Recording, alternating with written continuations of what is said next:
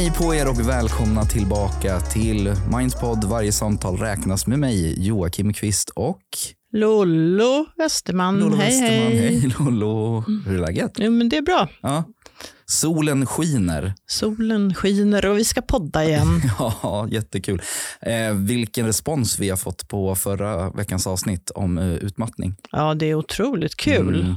Men det, alltså, jag förstod nästan det, att det är liksom ett, ett ämne som engagerar väldigt, väldigt många människor och liksom det är många som kan relatera till det.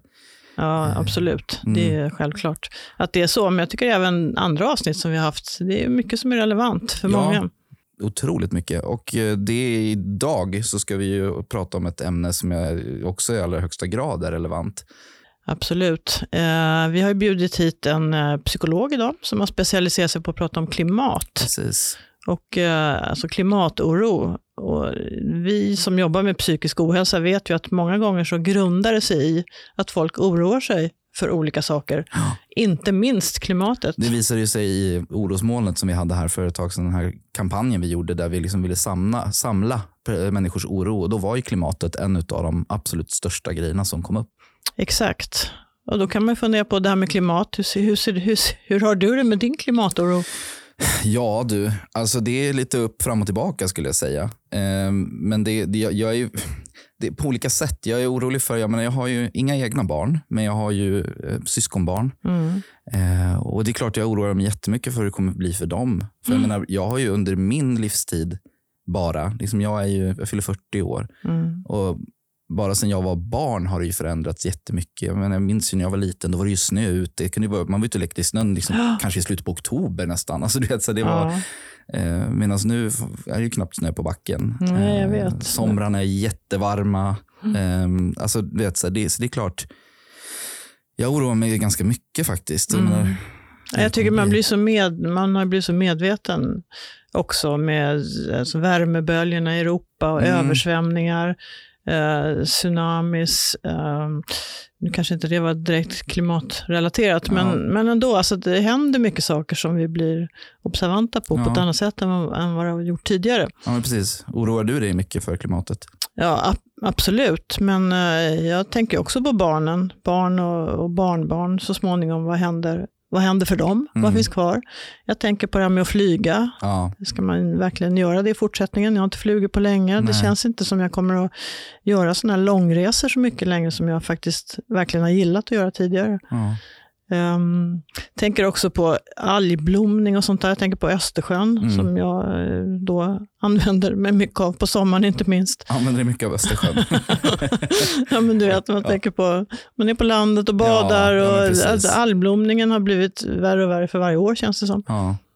Ja, men precis. Och jag menar, jag, sen är en grej för mig också är just det här ständiga dåliga samvetet jag känner. Att jag, man, man borde göra så mycket mer. Men jag försöker och så här, jag källsorterar och eh, som du säger, jag är inte heller, jag ska vara ärlighetens namn, jag har inte flugit så mycket, speciellt mycket i mitt liv överhuvudtaget. Men det är ju för att jag har varit så jäkla flygrädd. Det har jag kommit över här nu på senare år. Men, nej, men, liksom, men, men det känns liksom ständigt som att, man, eller jag känner ständigt att jag inte gör tillräckligt. Mm. Ehm, Nej men absolut, att det är så många, kanske framförallt i våra yngre generationer, som är så otroligt kunniga. Mer kunniga än vad jag är. Ja, ja, oh ja, verkligen. Jag menar, det är ju bara att kolla på Greta Thunberg och, och hela Fridays for Future och hela den, den rörelsen. Liksom. Mm.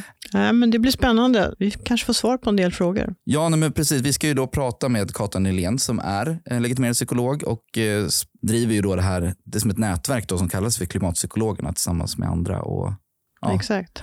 Och eh, ja, ja, men precis. Det ska bli intressant att höra hennes eh, take på det här och just att om eh, ja, men hur det är med personer som hon möter, om de kanske känner igen sig i, i det som vi Och lite så här tips på vad kan man göra när man känner att klimatoron kanske håller på att ta över. Finns det några bra knep att ta till?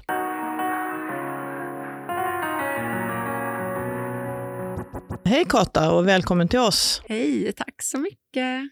Kul att du ville komma till Mind och prata om de här spännande sakerna. Eh, det handlar ju om klimatoro idag. Eh, vi på Mind har ju precis gjort en undersökning kring oro och vad människor oroar sig för. Och, eh, via en undersökning så har vi fått in massa teman som bekymrar människor idag. Och bland annat så har ju faktiskt eh, klimat dykt upp som en ganska stor, ett stort orosmoln. Mm. Mm. Och då är det så passligt att du jobbar med klimatoro. Ja, precis. Det förvånar inte mig att det var ett stort orosmoln Nej. utifrån vad jag jobbar med Ja, dag. exakt. Mm. Ja, men precis. Du är, kan man säga, du är klimatpsykolog. Du är en del av klimatpsykologerna. Ja, Eh, men precis. Ja. Jag är ju legitimerad psykolog och specialistbehörig egentligen i organisationspsykologi. Så jag jobbar ganska mycket med storskalig beteendeförändring och Just det. eh, så. Eh, men vi har ju också klinisk psykologi inom klimatpsykologerna. Så vi är som ett nätverk med fyra psykologer Mm. som vi driver tillsammans. Eh, som heter Klimatpsykologerna. Då. Vi, vi brukar kalla oss för ett folkbildningsnätverk, för vi sprider liksom kunskap om klimatpsykologi eh, på olika sätt. Och hur kommer det sig att ni började göra det? Liksom? Är, är det just på grund av mm, hur det ser ut, att det är oron för just klimatet har ökat så otroligt mycket? Ja, men eh, dels tror jag vi började mer utifrån ett intresse, så Mm. att vi, eh, eh, vi har lite olika vägar in i det. Men jag har jobbat mycket med prevention tidigare och förebyggande arbete och eh, jobbat med barn och unga mycket. Mm. Och då blev det liksom mer och mer tydligt ju mer jag jobbade med den här målgruppen att vi liksom förebygger och jobbar för psykisk hälsa hos dem. Men vad betyder det när de inte alls vet vilken framtid de har? Och just den här osäkra framtiden påverkar eh, måendet så otroligt mycket. Eh, så, och då började vi, liksom, så hittade vi varandra. Vi hade lite olika vägar in, men just när vi började hitta varandra så började vi då läsa på massor och då finns det ju ett forskningsämne också som är climate psychology och eh, ecopsychology och så. Som, det finns allt ifrån forskning kring liksom hur vi känner och tänker och relaterar till klimatförändringarna till liksom hur vi kan få till den här nödvändiga beteendeförändringen och med liksom effektstudier och så. Mm. Och vi jobbar med båda de bitarna, liksom både de emotionella bitarna men också så här, hur organiserar vi oss? Hur, hur ser man till att så här, må bra på en arbetsplats samtidigt som man får ökad påverkan på en arbetsplats och så vidare. Mm. Men du, jag tänkte på det, hur definierar man klimatångest eller klimatoro? Eh, klimatångest är egentligen som ett samlingsbegrepp för massor av olika känslor som vi känner när vi ställs inför klimatförändringarnas och alla dess tillhörande krisers magnitud. Så, eh, så det kan man ju göra antingen om man ser klimatförändringarnas effekter, man kanske är med om något en översvämning eller eh, en torka som gör att man behöver flytta. Mm. Eller liksom, det finns ju många människor på jorden som är med om klimatförändringarna redan nu. Eh, eller som i vår del av jorden är ju mer kanske att man läser om det eller Mm. pratar om det eller ser bilder och eh, liksom, olika sådana stimuli, triggers som väcker då känslomässiga reaktioner. Mm. Hos vissa väcker det ju som rent ångest. Ångest är ju liksom en fysiologisk respons på rädsla egentligen. Mm. Att det väcker de här känslorna av liksom tryck över bröstet och eh, olika sådana symptom som muntorrhet eller yrsel och sådär. Mm, mm. Eh, men hos andra så kan det väcka mer ilska och frustration i vanliga klimatkänslor. Mm. Eh, och sorg är väldigt vanligt att känna. Att man liksom känner en sorg dels över att man kanske inte kan ge den framtid som man önskade till sina barn eller till sig själv. Eller sorg över att man ser att andra människor redan lider. Skuld och skam är vanliga känslor också. Liksom en skuld av att eh, känna att man liksom lever i någon sån privilegierad värld medan andra är mer lidande och att det är jobbigt att bära det där privilegiet på något vis. Mm. Eh, Så det är massor olika, olika mm, obehagliga känslor så, som faller inom det begreppet klimatångest. Jo, jag kan tänka mig också att det, den, det ser väl kanske annorlunda ut också beroende på åldersgrupp. Eller? För jag tänker Mm. att så här, Mm. som du säger, att så här, som, som ung, eller min bild är, det kanske är fel, men jag tänker liksom att det är många unga som går runt och tänker liksom på sin framtid. Eh, Medan jag kan tänka mig att den äldre generationen kan det säkert finnas personer som då har, ja, men känner då skuld och skam för att det de har ställt till med inom citationstecken då för att för. Mm. eh, Mm. ja, eller ja, hur, stämmer så, det? Ja, men verkligen. Så det är olika typer av känslor kanske beroende på, ja, ålder är ju en sak, men Mm. också så här, vilken typ av person man är, vilka människor man har runt omkring sig, eh, men också var i världen man bor. Så, Såklart. så att Mm. eh, oron är generellt högre i de delar av världen som är mer drabbade, Mm. att klimatförändringarna är nära.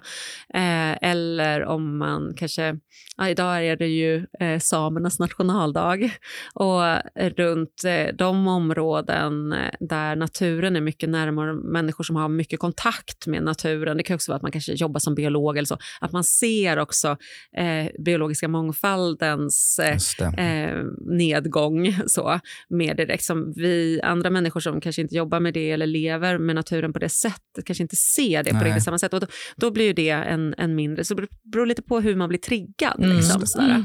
Eh, men eh, generellt i Sverige så är det ju så att eh, unga är mer, upplever sig mer oroade än, Mm. än vuxna. Mm.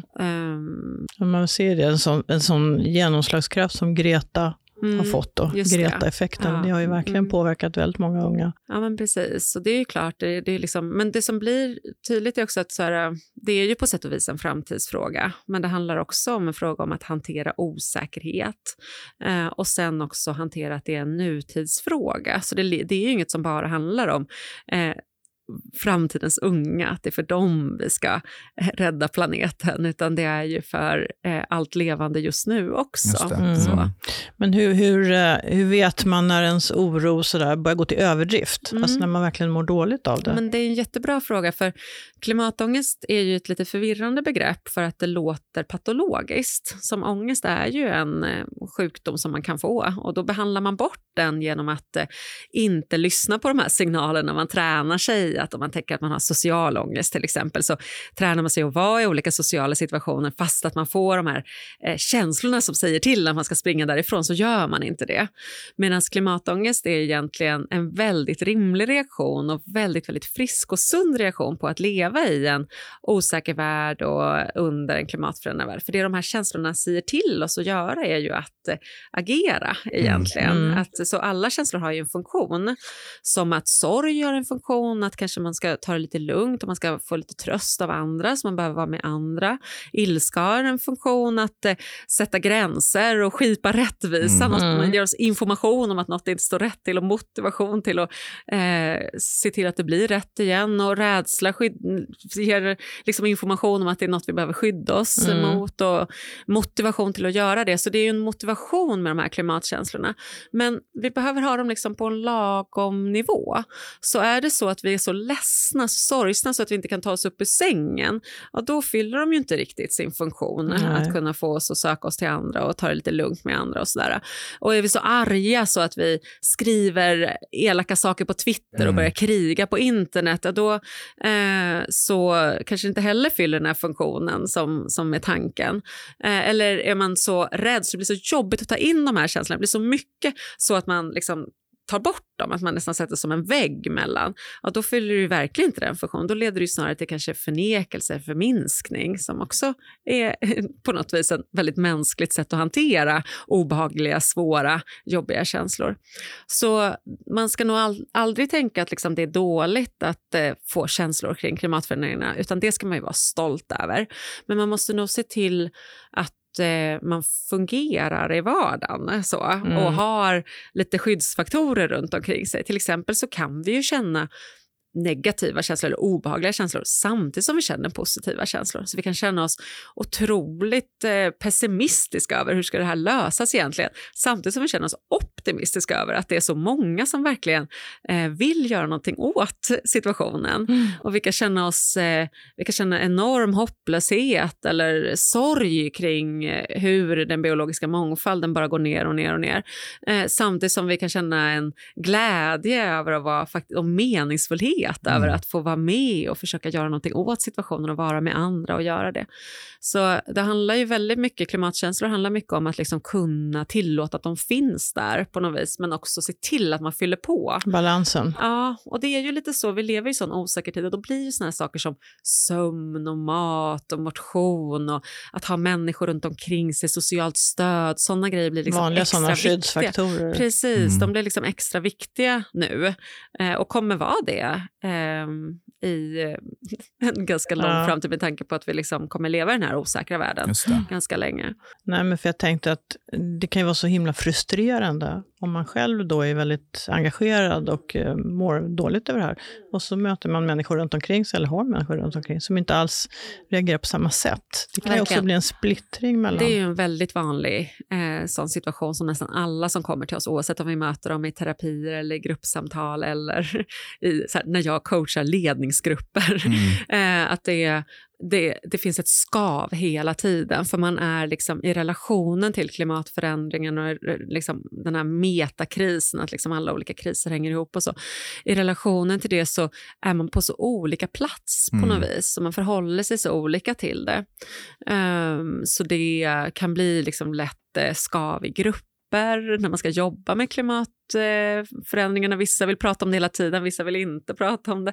Men också är så här, fam- jättevanligt att familjer har svårt för att liksom en familjemedlem liksom vill att allt ska handla om ett aktivt klimatarbete. En Precis. annan tycker så här, kan vi inte bara leva livet?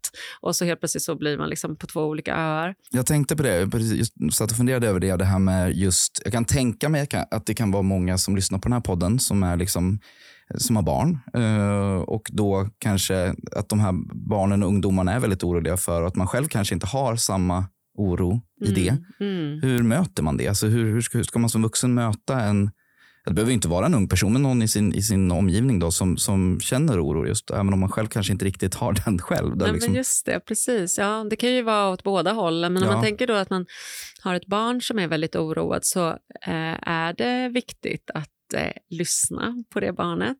Att eh, berätta sanningen, men kanske utifrån åldersgrupp då. Eh, berätt, välja hur mycket Ja. man kan liksom skrämmas. Man kanske inte visar skrämmande bilder och sånt. Liksom. Men, men, men barn har liksom rätt till sanningen om vilken värld de växer upp i. Och så får man liksom beskriva den. Eh, och det ska man nog göra oavsett om man har ett barn som är, eh, har massa klimatångest eller inte. För att det är ju ändå den världen de växer upp i.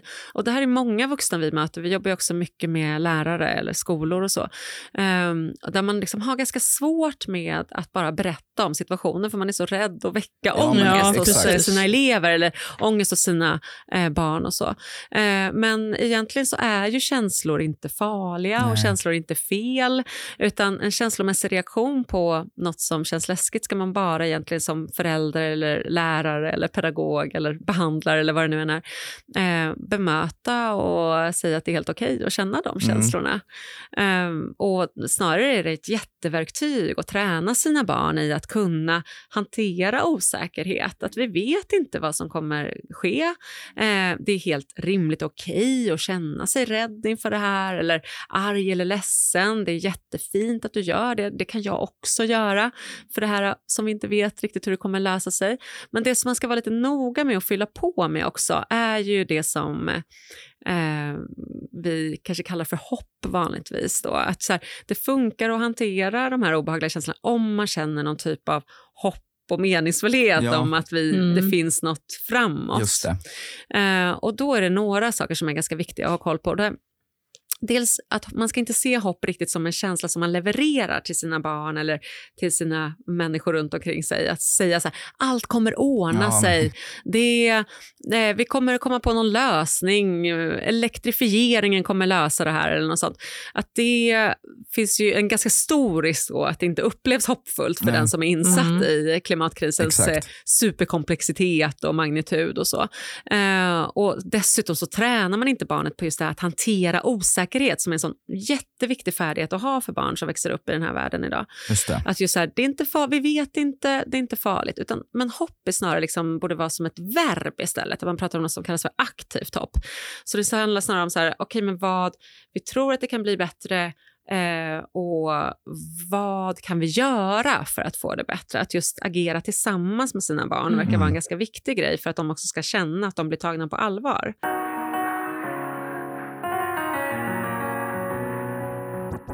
Du har ju förberett här några liksom medskick till eh, våra lyssnare som, eh, ja, men som, som du tycker att man kan tänka på. Den första här är ju då ge plats för känslorna istället för att trycka bort dem.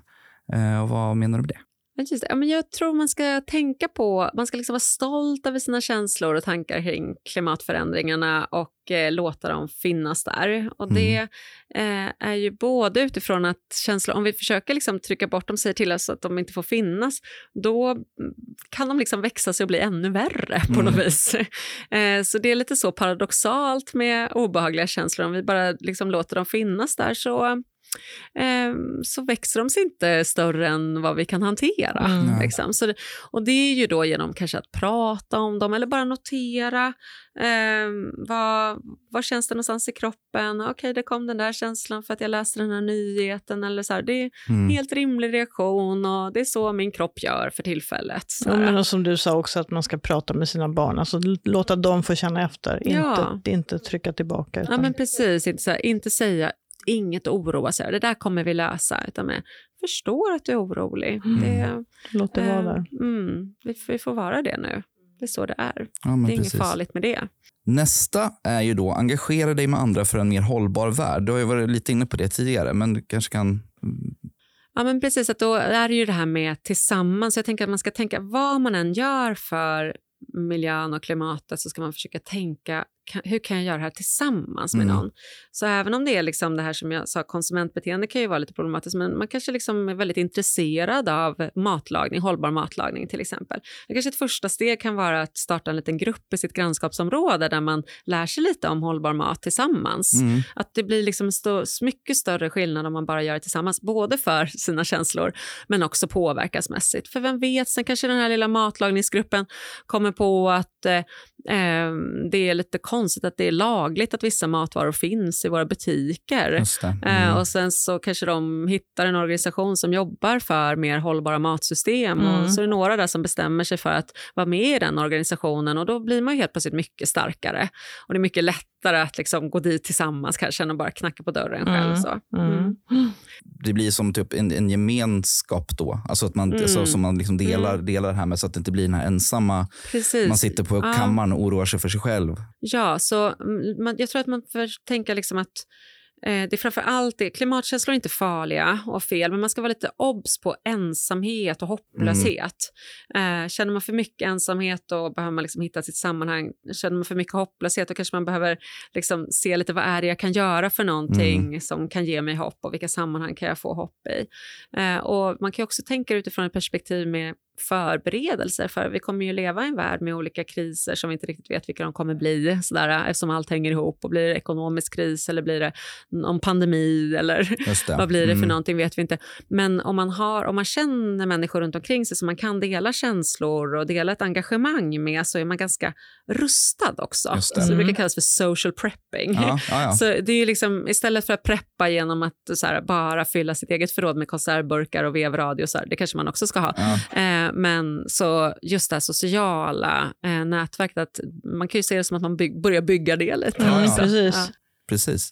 Och sen hade vi också till sist här, tillåt dig att pausa tankarna på klimatångest Ja, också. men det behöver ju vissa verkligen jobba med, framförallt om man jobbar med eh, klimatfrågan på olika sätt och vis. Så eh, kan man behöva bestämma vid vilka tillfällen som man pratar om klimatförändringarna. Mm. Eh, det kan vara på en arbetsplats som jobbar med miljö och klimat eller ja, kanske som er på Mind också, så här, omvärlden. Liksom. Mm. Så jag antar att det är många som jobbar här som bryr sig mycket om världen och människorna. Ja, Eh, att det kan vara bra att så här, ah, men vi pratar bara om klimatet eh, eh, vissa luncher, men också vad det gäller då flöden, informationsflöden på sin telefon eller dator och så, liksom att man kanske bara får läsa nyheter vissa tillfällen och Mm. kanske inte innan sänggång, inte direkt Mm. när man... Det tycker jag det är en så här bra psykisk hälsa-grej överlag, att eh, lägga telefonen utanför sovrummet. Mm. ja, och. Eh, bara läsa någon skönlitterär bok innan man somnar istället för att liksom läsa klimatnyheter det sista man gör och det första man gör. så Eller gå in på Twitter och få massa kommentarer. Ja, och det är precis och det här, det är det här, därför jag tycker det är svårt. Bara för att jag ehm, kan ju oroa mig ganska mycket överlag som person. Mm. Och eh, Det gäller ju inte bara klimatet, utan det gäller liksom hur det ser ut i världen just nu. Mm, mm. Men då blir det också den här ständiga, det här, jag, jag känner i alla fall, så ständiga dåliga samvetet om jag inte inte Mm. håller mig uppdaterad, om Ja. jag inte läser på så tänker jag det finns ju människor i världen, de kan inte ta en paus och bara säga nu det här blev jobbigt så nu, nu tar jag en paus. Och just den, den balansen, och det känner jag igen, det jag pratat med en del av mina vänner om också, just det där att var, var, var drar man den gränsen och vad är okej? Och jag vet inte. Ibland så, Jag tror många relaterar Eller till hur? den Ja. upplevelsen och det är lite den här privilegieskulden Exakt. också. Mm. Att, eh, och på något vis, eh, det är också bara en känsla Ja. att, att befinna sig på något Precis. vis. Men ändå på samma sätt som man kanske inte känner för att gå och träna men vet att det är bra för en att träna och sen går man iväg och tränar eh, och så är det gjort. Så kan man så här, man kanske inte känner att man, eh, att, att så här, paus, att gå på fest och festa mitt i en brinnande klimatkris till exempel Ja. kan kännas fel i kroppen men man går ändå iväg på den här festen och så Precis. har man kul och så fyller man på med lite endorfiner och lite positiva känslor och sen kan man eh, eh, gå, kom, vara liksom starkare eh, sen när man kommer tillbaka. Så det liksom är mest som en eh, att ha sin eh, påverkansmuskel lite, Ja. lite redo istället för helt uttröttad hela tiden.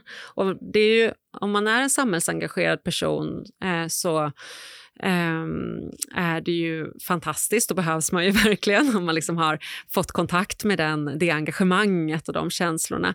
Eh, och, men utifrån det så är det ju, man brukar prata om att liksom återhämtning också är aktivism eller också är engagemang för det är så otroligt viktigt att man håller eh, hela... Ja. Vi kan nog säga att eh, alla som lyssnar på den här podden kommer, kommer behöva hantera den här metakrisen Ja, eller precis. svåra krisen hela sitt liv. Ja.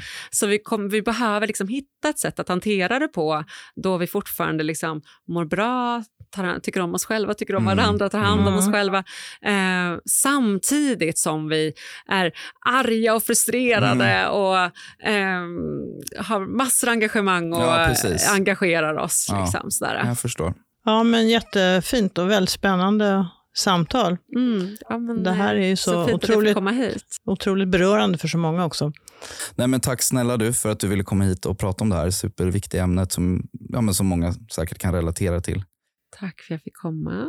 Och tack så jättemycket också till er som har lyssnat. Vi uppskattar det jättemycket som vanligt. Och hörni, nu vill vi ju faktiskt eh, tipsa er om att nästa vecka så har vi ju en premiär, en poddpremiär. Det blir vår nya podd med Ulla-Karin Nyberg som heter På liv och död med Ulla-Karin Nyberg, kort och gott. Ja, precis. Den har ju då premiär nästa onsdag, så det kommer ju vara så nu att varje samtal räknas. Den här podden kommer ut varannan onsdag och eh, På liv och död med Ulla-Karin Nyberg kommer ut varannan onsdag. Det ska bli jättekul. Det är Super. två ganska olika också till sin karaktär. Det här, Ulla-Karin, till Ulla-Karin kommer man ju kunna ringa in med sina eh, svåra tankar, för de kommer handla, hennes podd kommer ju handla om självmordsrelaterade frågor. Mm, precis. Nej, men så att vi rekommenderar verkligen att hålla ögonen öppna för den. Och eh, återigen, tack så mycket för att ni har lyssnat och ta hand om er så hörs vi i nästa avsnitt. Hej hej! Hej då!